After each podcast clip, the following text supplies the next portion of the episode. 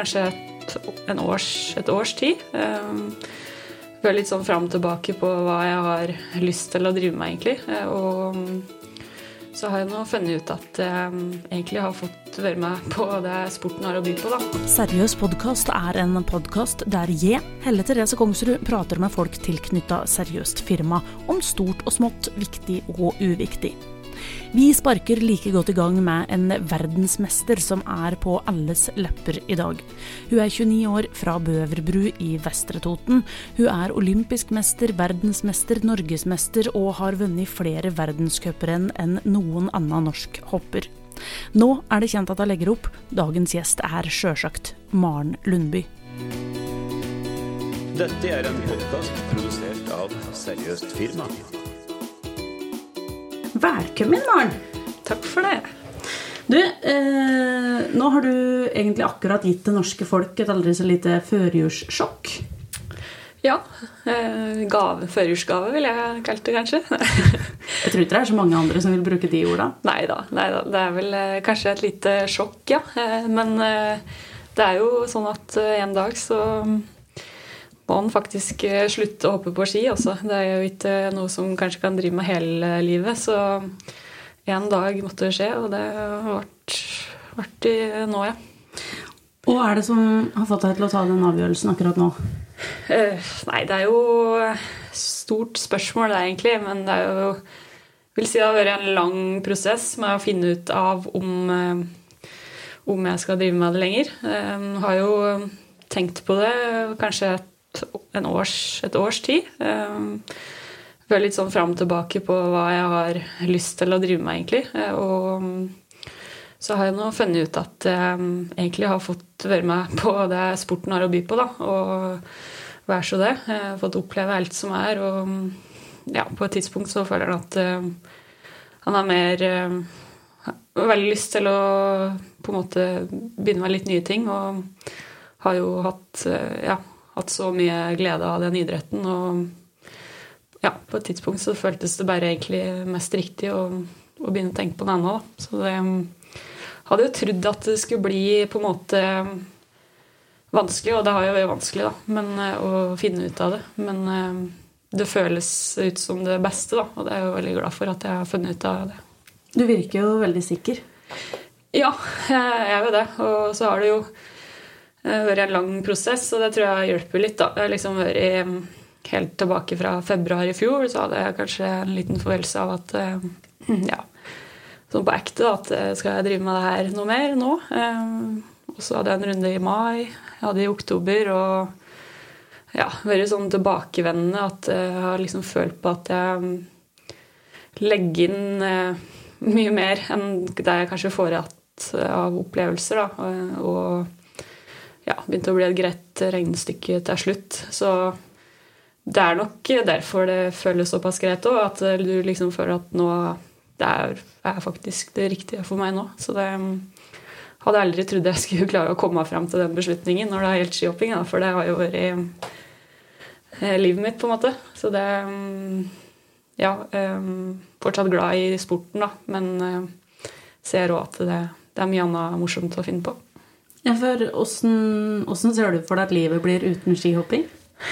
Nei, det Jeg tror det blir fint, da. Jeg er ikke, sånn, jeg er ikke noe bekymra for det. Jeg har jo fått prøvd prøve meg litt på uh, litt sånne vanlige ting uh, utenom òg. Jeg hadde et år hvor jeg ikke hoppa, og da har jeg holdt foredrag her med dekk. Og så har jeg jobba som kommentator i Viaplay, blant annet. Og ja, eh, så jeg føler jo at eh, jeg gleder meg til det som kommer, da. Og har som sagt fått oppleve egentlig alt eh, i sporten min. Og gleder meg til nye utfordringer. Mm. Er det sånn uh, innen skihopping altså Hvis du legger opp på langrenn, så er det jo på en måte du kan bare ta fram langrennsskia og gå deg en tur i skauen. Men det, kan du bare ta med deg hoppskia opp i løsgårdsbakken og ta deg et par hopp hvis du liksom skulle savne det for mye? Eh, jeg kan jo det. Eh, det er klart. Men det krever kanskje litt mer forberedelser enn, enn bare å ta med seg skia opp på fjellet og gå på langrennsski. Så jeg er jo litt usikker på Jeg tror jo kanskje jeg har tatt mitt siste skihopp eh, noensinne. Eh, så det er jo eh, ganske spesielt å kjenne på. da. Jeg hoppa på ski siden jeg var tre år, liksom. Og nå er jeg 29. Så um, det, jeg kommer til å savne det. Det er på en måte um, Jeg er fortsatt like glad i å hoppe på ski, da, så det kommer nok til å kanskje bli det største tomrommet man kan kalle det, eller savnet. da. For det er ingenting som slår, slår den følelsen. Um, Men så er det på en måte alt det andre som eh, du må gjøre for å komme dit og prestere på topp eh, over tid, da, som er eh, kanskje grunnen til at eh, eh, legger opp nå. Så mm, jeg kommer jo jeg kommer til å savne å hoppe på ski. Det er liksom det Ja. Jeg kommer nok ikke til å ta på meg hoppski igjen, tror jeg, da. Hvis du, hvis du får rett i det, hva var det som var det siste skihoppet? Hvor var det? Um, det ble nok tatt i Klingenthal i oktober, uh, i en konkurranse der. Um, Åssen var det hoppa? Det var dårlig. uh, så Og så er det sikkert mange som tenker at det uh, var liksom litt sånn utløsende for at jeg skulle legge opp. Um, og det var jo kanskje liksom eh, den siste dråpen, kan du si, da. Eller det kan jo hende. Eh, men jeg har fortsatt brukt lang tid i etterkant på å, å prøve å finne ut av hva jeg vil, og hatt veldig god eh, veiledning, kan du si, i forhold til eh, de rundt meg. har jo i hvert fall prøvd å forsikre meg, seg og meg om at det, det virkelig er, er det, det her jeg vil, da, at det ikke er bare et sånt eh, blaff pga. et dårlig resultat. Og det, og det er det jo ikke, for det, sitter jo ganske mye dypere enn enn som så. Så ja. Ja, og så kan en vel også si at det er jo det er jo et helt topplandslag som kanskje ikke har prestert helt på toppen av denne sesongen her, så i så fall så ville det jo vært veldig mange flere som nå hadde bestemt seg for å legge opp. ja. ja, jeg har jo hatt fryktelig mye dårlige resultater før òg, så det er jo mye dårlig hopp, og det er jo en del av gamet, det. Så jeg kjente jo på når jeg liksom dro til Klingenthal eh, der i Oktobroa at eh, Jeg sa det og liksom til mamma før jeg dro, at eh, ja, kanskje det blir siste gangen du ser meg oppe opprenn, liksom. Eh, Altså, Ja. Du tenkte det allerede da. Ja, jeg gjorde det. Så ja. Hva sa hun da? Uh, nei mm. Nei, det er jo rart. Det er, Ja. nei, Kanskje. hun, hun, hun ble jo for så vidt litt sånn ok, eh, men hun, hun har jo vært klar over det i lang tid, liksom. Så ja. Nei, det er jo rart for alle, egentlig. Ja, For livet til hele familien har jo vært i hopp. ja, um, eh, det har jo det. Så um, Jeg prata jo med, med broren min her i helga, og han har sagt til mamma liksom at eh, ja, det er kanskje greit eh, at det er over nå, liksom. Det, vi får det jo kanskje litt lettere psykisk, vi òg, da, liksom. For det er jo, sånn jeg har skjønt, så er det jo det er ikke bare jeg som er nervøs liksom, når det er hopprenn. Det, det er alle sammen, ja. Så Og jeg har sagt med litt sånn humor da, at eh, det kan jo være greit for oss å liksom, å ikke ha nervøst sammenbrudd hver eneste helg hele vinteren, på en måte. Men for dette, eh, jeg tenker jo at eh, du og de andre hopperne må ha noen andre typer nerver enn veldig mange andre. eh, Når en sitter utpå der og liksom skar ned den bakken. Men har du, har du kjent på redsel sjøl? Eh, nei, jeg tror ikke det. Eh, Du kjenner jo på iblant liksom um, at du er spent. Noen ganger så føler du jo at um, hvis det er mye vær og vind og sånne ting, da, at det kan være litt sånn usikre forhold. Men uh, vi har en veldig grei uh, måte å forholde oss til det på. At jeg stoler jo på treneren min, og hvis han vinker meg, så er det, er det greit å hoppe, da. Så mm, og jeg tror liksom hvis jeg hadde hatt frykt i løpet av karrieren, eller hvis det hadde vært sånn gjentagende problem, så hadde en jo ikke klart å på en måte Ja, liksom Du hadde ikke klart å prestere heller. Du må jo stole på det du skal gjøre, og vite at du behersker det, på en måte. Så Nei, jeg har ikke kjent på så mye redsel, nei, men det er klart, når det er første gangen jeg hoppa i Vikersund, så kjente en at eh, Ja. Du tenker litt over livet, liksom. da. Så da er det kanskje verre for dem som sitter hjemme eller på tribunen og ser på. Ja, det tror jeg faktisk. Eller det tror jeg kan skrive greit under på. At de, de har vært mye spent om òg. Så og, ja, vært er selvfølgelig spent på åssen det går. Da. At ja, de vil jo gjerne at jeg lykkes, eh, så klart. Og så er det jo alltid det usikkerhetsmomentet med at det er en risikoidrett. Da. Eh, Og eh, det er alltid en risiko for at du, du kan skade deg eller dette eller ja, hva som helst. Så det er jo noen tenker på liksom, i etterkant av karrieren. For jeg har jo tenkt på det liksom, kanskje ikke akkurat når jeg hopper, da, men eh, litt sånn imellom eh, slaga. At eh, ja, hva med dette i morgen? Liksom, du vet jo aldri helt hva som kan skje, for det, det kan jo faktisk skje, da. Så at den har kommet seg gjennom um, ja, 16-17 år på toppnivå uten å liksom eh, eh, oppleve den store skaden, da. Det er jo noen kan være glad for. Ja, for de skadene du har fått, om du har, har du fått på fotballbanen stort sett? Ja, stort sett på fotballbanen. Det har vært noen hjernerystelser og litt sånn små kneproblemer og, og litt sånne ting. Men um, jeg har vel ikke uh, brøkket noe på et tidspunkt. Ikke rive av noe som helst. Um, ja, har rett og slett vært kjempeheldig. Mm. Du var inne på det, Maren, for det, det var et år eh, som du ikke hoppa i det hele tatt. Um, og det hadde jo da sammenheng med at eh, kroppen din begynte å oppføre seg litt annerledes enn den hadde gjort før. Responderte ikke på trening. Eh, du ble tyngre. Treninga funka ikke. Og du prøvde å løse den Finne nøkkelen til å få det til å funke, liksom. Mm. Um, og mye har det å gjøre med at du nå legger opp?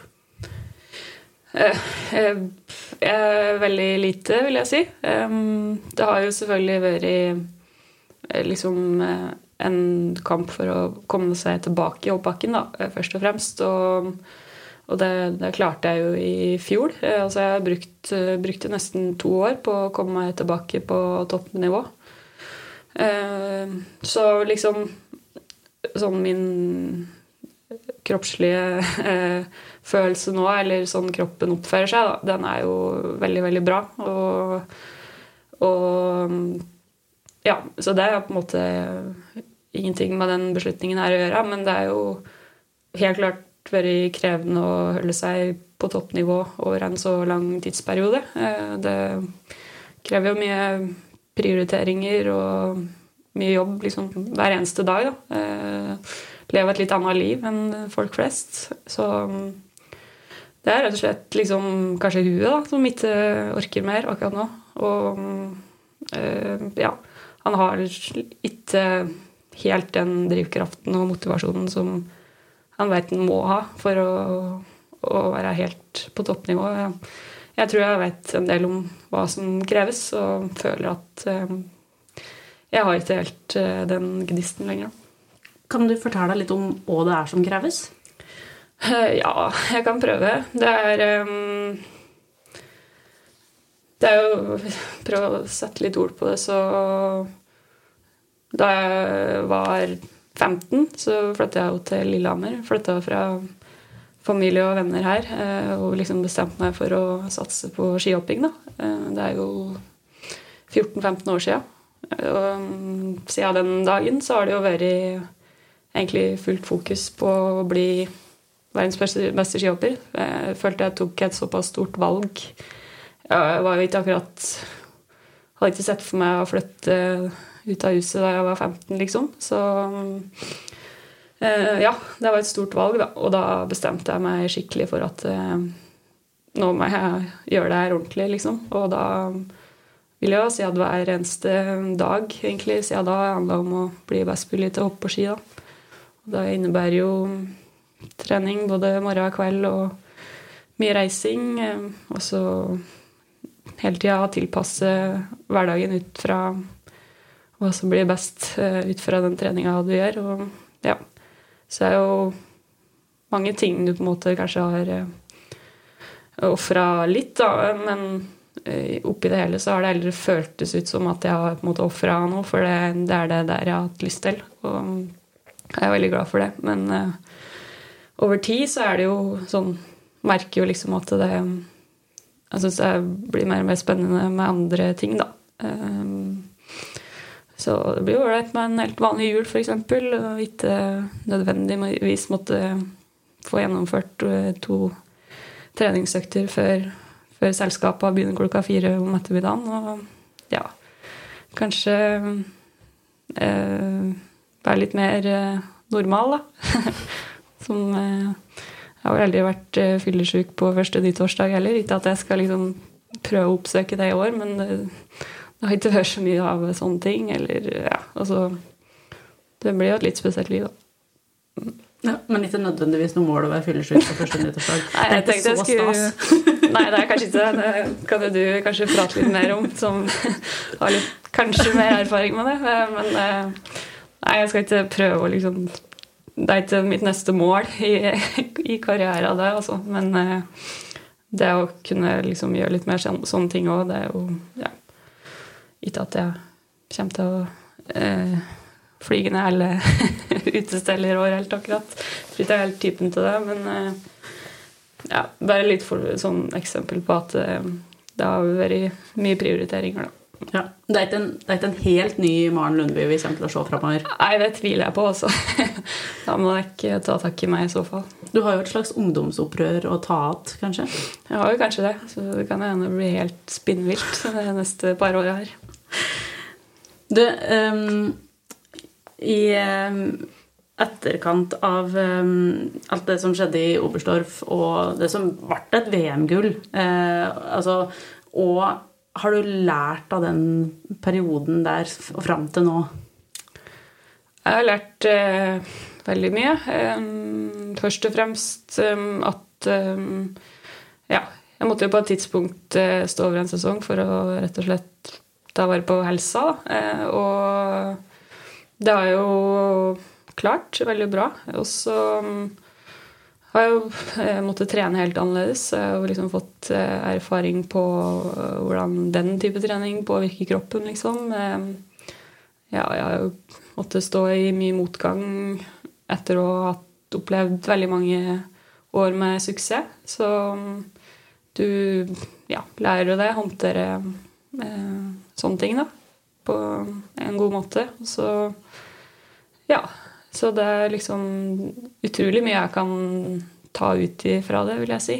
Og jeg er jo har litt utdanning i trening og, og treningsfysiologi og helse og sånn òg, så det å kunne sette dette her litt mer over i praksis og samtidig som jeg har mye erfaring med det fra tidligere òg, så er det jo ting jeg kan eh, ta med meg veldig i tida som kommer, da. Eh, Med tanke på hva jeg har lyst til å drive med, f.eks. Eller ja, eh, sånn Det er sånn erfaring som jeg tror er kjempeviktig. Da. At en har virkelig liksom fått erfare Ja, mye praktisk erfaring med det jeg er litt interessert i, og, og tatt litt utdanning. Da. Mm. Er det eh, noe som burde ha tatt på en måte større del i enhver toppidrettsutøvers liv? Eh, Hva da tenker du? Altså helse og altså, alt, alt den biten som du kanskje har følt mye på og lært en del om de siste åra? Ja, altså opplever jeg at det er mye fokus på det òg. Um, Olympiatoppen har jo slagordet 'helse foran prestasjon'. Og etter hvert som det òg har liksom dukka opp eh, Jeg vet jo sånne ting etter hvert eh, med ja, det at eh, du som idrettsutøver på en måte må pushe litt grenser, kanskje, for å bli best i verden. Og liksom hvor den grensa går, da, eh, så har det jo blitt mer og mer fokus på det etter hvert. Så um, opplever jeg at det er mye fokus på det, men det får aldri blitt nok, for det dukker opp nye utfordringer hele tida. Ja. Men at det helt klart Det er jo noen må ta tak i, ja. Mm. Alle eh, Alle var jo veldig glad. Jeg får si på vegne av alle, da, eh, så sier jeg at jeg var i hvert fall eh, veldig glad eh, i fjor, når du på en måte gjorde comeback og hoppa verdenscup og alt liksom gikk Det så ut til å gå riktig veien, da. Men hvor viktig er det for deg at du fikk tatt de hoppa i Vikersund i fjor? Nei, i år. I år, I vår. faktisk. Ja. Jeg tror eh, jeg tror det har vært ganske viktig. eh, For det var jo på en måte kanskje det siste jeg mangla å få oppleve i oppsporten. da. Eh, så det jeg, tror ikke jeg tenkte sånn på det da, at nå har jeg gjort det, så nå kan jeg gi meg med god samvittighet, liksom. Eh, jeg var jo veldig innstilt på etter sesongen at eh, nå skal jeg satse videre og, og sånne ting. Men når jeg sitter her i dag og vet at jeg har lagt opp, så er jeg veldig glad for at jeg fikk oppleve det. Jeg hadde, hadde nok hatt en litt verre følelse om jeg ikke hadde fått sett utfor der. Etter å ha hatt lyst til det i så mange år i tillegg, da. Så ja, det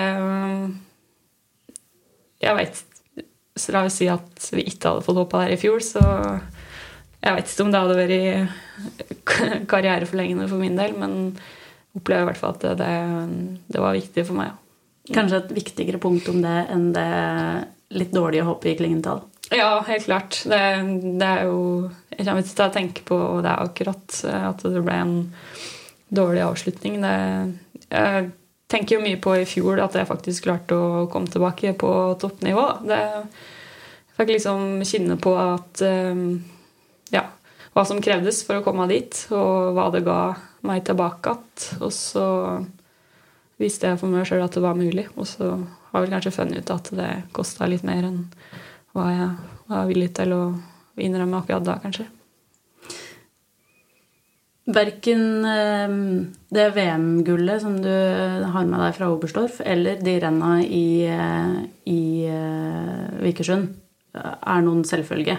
Eh, noe det kanskje burde ha vært. Men du har vært av dem som har stått helt fremst i den kampen for at kvinner òg skal få hoppe i større bakker enn de minste. Når du sier at det er 2023, er det på en måte litt sånn, en litt sånn absurd kamp å stå i? Ja, på en måte så er det jo det. Så skal det sies at eh, det i 2010 kanskje var første gang det ble arrangert et FIS-renn for damer. Da. Eh, og så er det jo god grunn til å tenke seg om eh, hvorfor har ikke det skjedd før. For det har jo hele tida vært damer som har hoppa på ski. Ja.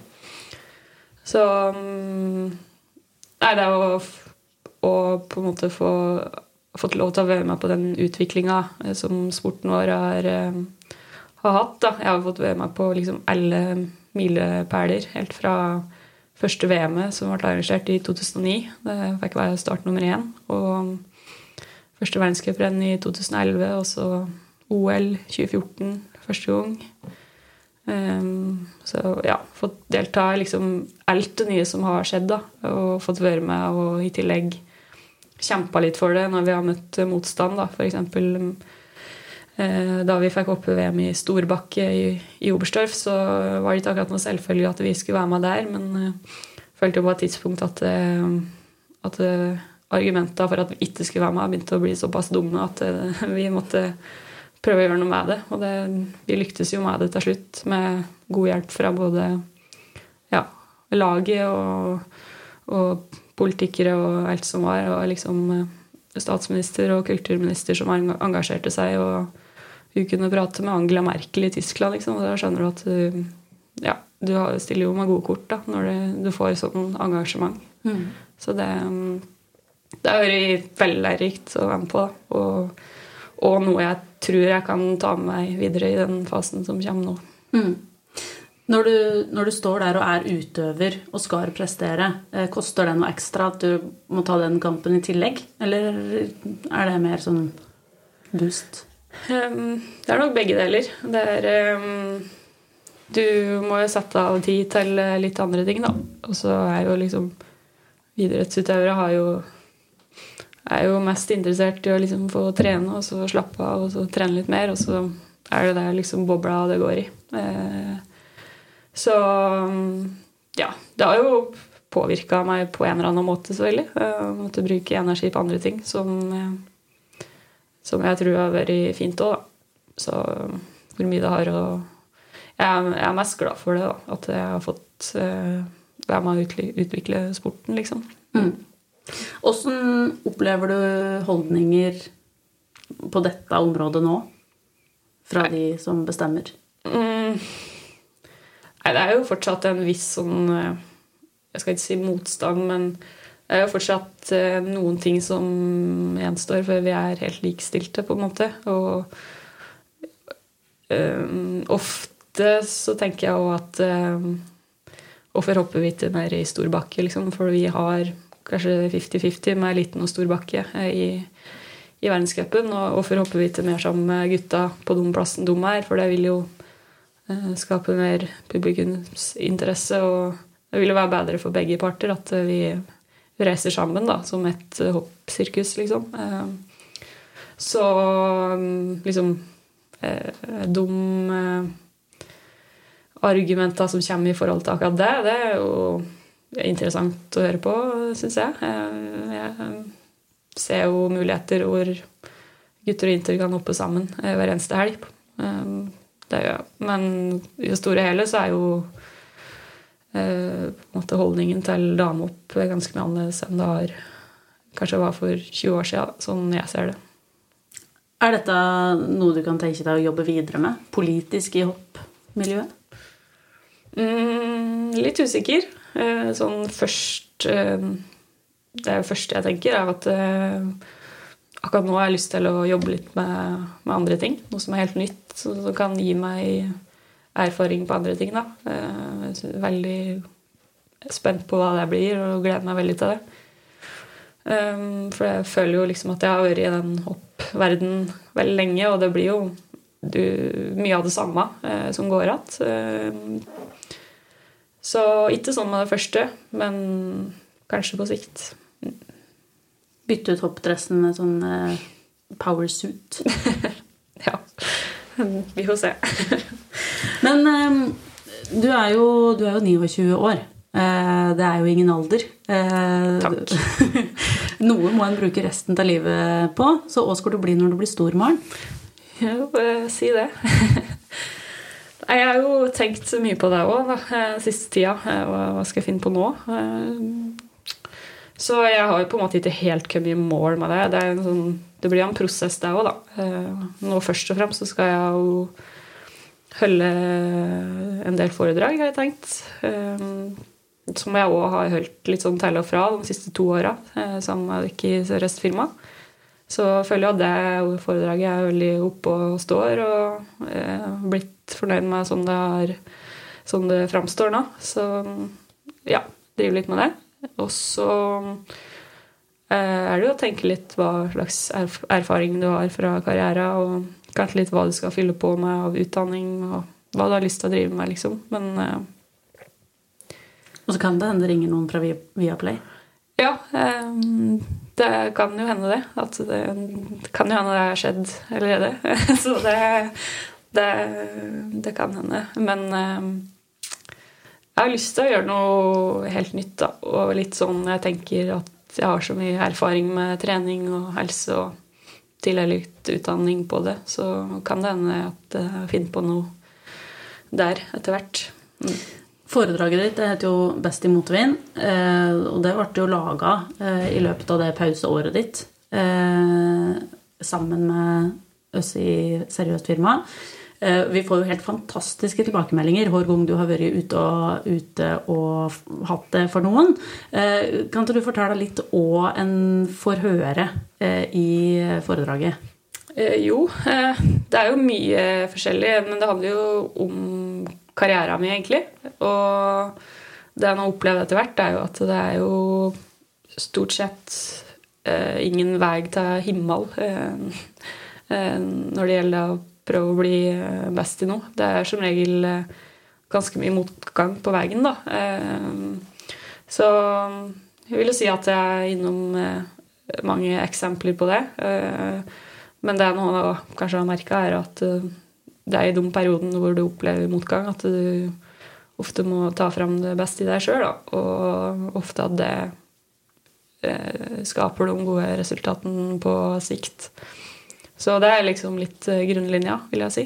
Eh, og så er det jo selvfølgelig litt det med dra inn litt det med den likestillingskampen. Eh, at det har ikke bare vært veien mot himmelen der heller, akkurat. Det har vært en del motstand. Og, og det, så har jeg jo jobba mye med å sette meg mål, selvfølgelig.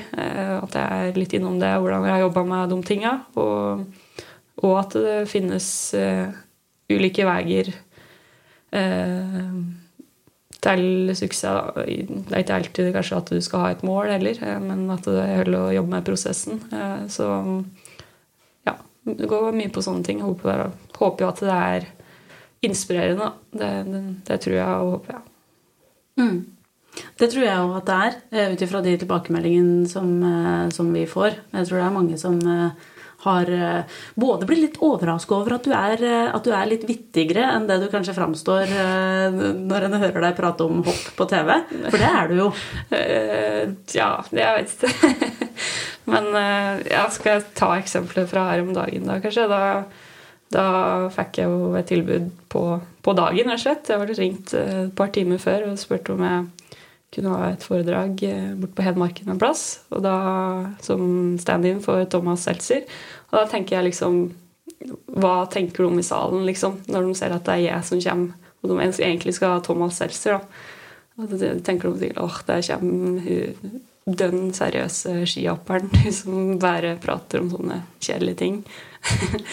Men eh, ja, det ble jo kjempebra foredrag. Jeg er nok heldig sånn sett at eh, folk kanskje ikke forventer helt det de får, da. Så det, det syns jeg er kjempemorsomt. Det er ikke noe som er så artig som å få litt sånn gapskratt fra salen. Det er jo det er en god følelse. Jeg vil bare si at Ettersom at dette her bare er lyd, og folk ikke ser deg, så smiler du ganske godt mens du sier dette. her, Så det er helt tydelig at du koser deg når det skjer. Ja, det er kjempeartig. Så det har jo vært en opplevelse, det òg. Bare eh, se at jeg mestrer noe annet, da. Og faktisk eh, jeg opplever at det går ganske bra, liksom. Eh, Så det er veldig kjempemorsomt, ja. Men dette der var ikke, det var liksom ikke helt noen så stor, selvfølge at du skulle begynne med dette der heller. Det var liksom, men det virker ikke som at du viker unna på noe som helst slags vis når, det, når noe på en måte blir litt utfordrende eller skummelt eller Nei, jeg syns det er litt spennende med utfordringer. Sånn, jeg er nok eh, litt eh, Tok en sånn personlighetstest her for en liten stund siden. Og da fikk jeg opp at jeg var en sånn eventyrer. Eh, Så at jeg liksom kan kaste meg litt på sånne ting og syns at det er litt morsomt. eh, Veldig spontan. Jeg tror jeg er det. Så mm, ja. eh, Det, folk forventer kanskje ikke det, men jeg, er nok litt sånn som type, ja. Det er jo ikke noe som, som er av generelle beskrivelser av totninger i det hele tatt. Spontan, nei. Nei, det er sant. Så det kan hende det er litt eh, annerledes enn folk flest derover. Ja. Men um, nå er jo på en måte, den store nyheten den er, jo, den er jo ute. Men vi kan slippe en liten nyhet her òg. Eh, nemlig at eh, den 13. februar så skal du holde foredraget ditt på Noir. ja. Sjølveste Noir. Ja, det blir skikkelig stas. Det gleder jeg meg veldig til. Og det blir, ikke, det blir ikke bare med deg. Du skal først holde foredraget ditt, og så skal sjølveste Dennis Storhøy eh, prate med deg etterpå. Ja.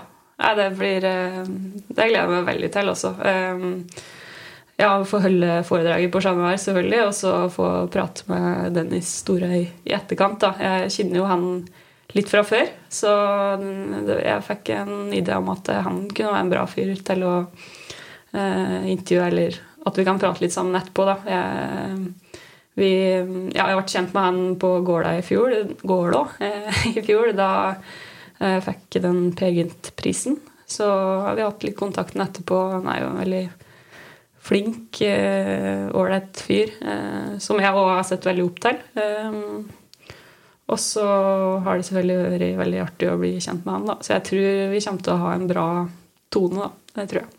Du var jo årets Per Gynt, og han har spilt Per Gynt. Så det er jo på en måte To to Per Gynter, på en måte. Det blir jo kanskje det, da. Så det jeg anbefaler folk å få med seg. Jeg tror det kan bli kjempeartig, faktisk. Mm. Eh, Billetter er faktisk allerede i salg, mm. så de går det an å søke opp enten på Ticketmaster eller på Chat Noir. Såpass mye reklame har vi lov til å komme med. Det må være lov. Fin julegave. Det er det definitivt. Eh, Men du skal, vi, eh, nå er det jo ikke sånn at vi i Seriøst firma på noen måte er glad for at du legger opp. Eh, Men det vi er glad for, er at vi får litt mer tid sammen med deg. Så du skal jo òg være med på Shoreditch-seminaret som vi arrangerer i april. Som bl.a. handler om PR og kommunikasjon. Og det er jo et felt som du jeg vet du syns er litt spennende, og som du har på en måte opplevd veldig mye av, kanskje spesielt de siste åra. Ja, helt klart. Eh, noe jeg òg gleder meg veldig til. Eh, eh, I tillegg til de tingene jeg har nevnt tidligere, så er nok det med PR og kommunikasjon, altså mediebiten eller sosiale medier, f.eks. Jeg har jo vært ganske flink med å, med å bruke de tinga sjøl og opplevd at det, faktisk har hatt en verdi. Så ja, det gleder jeg meg veldig til, og et tema jeg interesserer meg veldig for i tillegg. Hvorfor det? Hmm, det er et godt spørsmål, egentlig. Um, vi skal ta det sånn helt fra, fra starten av. Så hvis jeg var, så på meg sjøl på skolen, da, da jeg gikk på barneskolen eller ungdomsskolen, så var jeg nok en sånn typisk Jeg var jo likte norsk, liksom. Jeg kunne skrive tekster. Uh, likte ikke sånn skjønnlitterære tekster, men veldig glad i sakprosa og sånn. da, Og det blir jo litt samme hvis du tenker uh, journalistikk, f.eks. At jeg er nok ganske sånn rett fram. Jeg har ikke så mye fantasi, men veldig sånn konkret i måten jeg sier ting på. ja. Og så er det jo Sosiale medier er jo i vinden, for å si det sånn. Og har jo ja, eh, eh, på en måte brukt det mye sjøl og opplevd at det, det, har en verdi. da. Så syns det er spennende med det. Og så har jeg jobba i media òg, så det er jo liksom Ja. Så hvis du ikke hadde vært verdens beste skihopper, så kan det hende at det var der du hadde havna tidligere? Kanskje. Skal være forsiktig med å si det. Men at jeg har interesse for det, er helt klart, ja. Mm. Men åssen eh, Eller på hvilken måte er det du på en måte har valgt å omfavne bruk av sosiale medier eh, når du har hatt ting å fortelle opp igjennom? Eh, jeg har jo alltid styrt mine egne kontorer sjøl og føler at det er en fin måte å mm, kommunisere rett til følgerne mine med mine ord og med mitt budskap.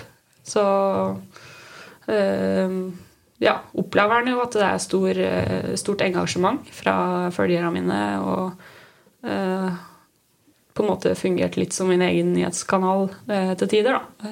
så det Ja, det har hatt veldig liksom, positivt utbytte av det. Og ja. Mm. Forventer du Eller det blir vel antageligvis en stor jobb på deg nå eh, i dag, kanskje, etter alt som har skjedd i løpet av dagen. Eh, mye reaksjoner å plukke opp fra folk. Kommer du til å svare mye?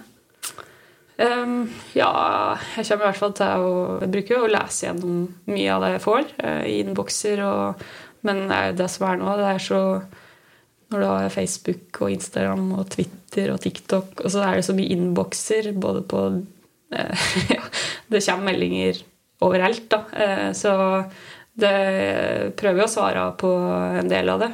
Og så eh, får jeg nok med meg det meste som blir skrevet, ja. Og så ja, velger man kanskje ut litt av hva man svarer på etter hvert. Men eh, det er veldig artig med så mye engasjement, i hvert fall, som man har opplevd til tider. Da. Nå eh, er det jo på en måte ganske absolutt, det du har sagt ut til det ganske land. Eh, er Alltid mulighet for comeback, da. Ja, det var det jeg egentlig fiska etter. ja. ja. det er det. Ja, skal vi begynne å mase om det i dag allerede? Først har lagt opp, spør, spør om comeback allerede. Ja. Det er greit å ha det avklart. Ja, det er jo det. Ja, Så muligheten er der. Stort nok gruppepress. Uh, ja. Nei um, Skal jo aldri si aldri, men uh, uh, ser jeg for meg overskrifta her uh, 'Utelukker ikke comeback', uh, tenker jeg. Nei, men sånn, det er nok absolutt, ja. Det, det er nok det. men vi får nå se. Er det noe du vil trekke fram som en sånn absolutt høydepunkt fra karrieren? Du kan få tre. Tre absolutte høydepunkter. Ja, eller hvis du har én, så kan du komme med en. Ja, sånn rent sportslig så er det helt sånn åpenbart eh, OL-gullet. Sånn, ja. Litt, eller ingenting som slår det, for det var liksom første gangen jeg klarte å vinne et mesterskap. Eh, og så hadde jeg jo leda VM året før, og så ble jeg nummer fire, liksom. Det var så surt. Og så hadde jeg jo på det tidspunktet i Pyeongchang hvor jeg vant OL, så hadde jeg jo satsa i 10-11 år på hopping. Så han begynte liksom å føle på at eh, Ja, når skal det skje noe her? Det, så det, og OL òg, liksom. Det har vært sånn Fra jeg var liten, så er det Det har alltid vært det største, da. Så at en på en måte skulle klare å bli olympisk mester, det Ja. Det kommer jeg alltid til å være veldig stolt over. Mm. Og enn så lenge eh, Du hadde verdensrekord eh, en liten periode i mars, når Ja. du hoppa i, eh, i Vikersund. To minutter, sånn cirka. Ja. Men det, det var to fine minutter. Ja, absolutt. Jeg visste, det er litt artig. Jeg, visste jo faktisk ikke at jeg hadde verdensrekorden i de to minuttene jeg hadde. Jeg visste at jeg hadde hoppa over 200 meter for første gang. 212,5. Og så ja, tok det jo kanskje to minutter før hun kanadiske gikk forbi meg. Da. Så i de to minuttene jeg hadde verdensrekorden, så var jeg faktisk ikke klar over det. Så det er litt nedtur, men jeg, å ha det på CV-en er jo greit. Ja. Og så har du fortsatt norgesrekord. Fortsatt norgesrekord, ja. 216,5. Den tror du kommer til å bli slått? Ja, jeg tror og håper at den forsvinner nå til vinteren. ja. Jeg er ganske sikker på at eh, det blir en del lange hopp i Vikersund til vinteren. Og hva er det som tar den? Den norske rekorden tror jeg blir Silje Opseth, kanskje, som tar. Um, så får vi håpe at det er en norsk som sitter igjen med verdensrekorden nå. da. Ja, for eh, ja.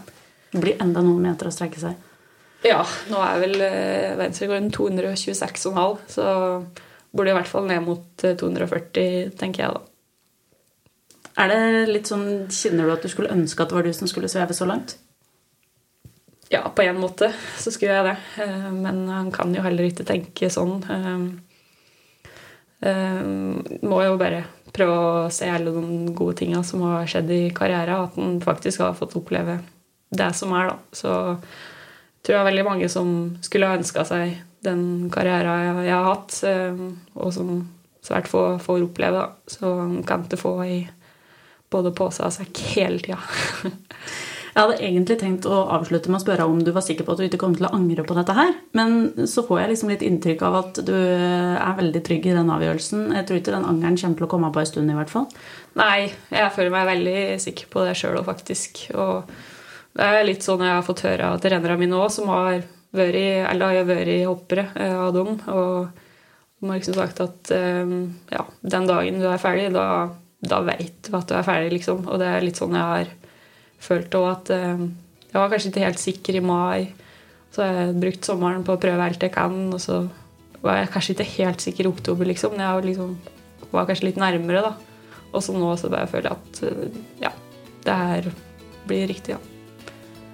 Så det, det er en god følelse, faktisk. Mm. Da får du ha lykke til da, med å finne ut hva du skal bli når du blir stor.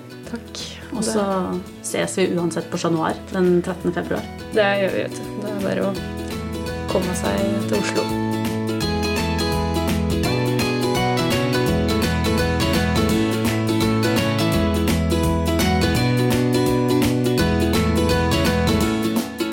Dette er en podkast produsert av Seriøst firma.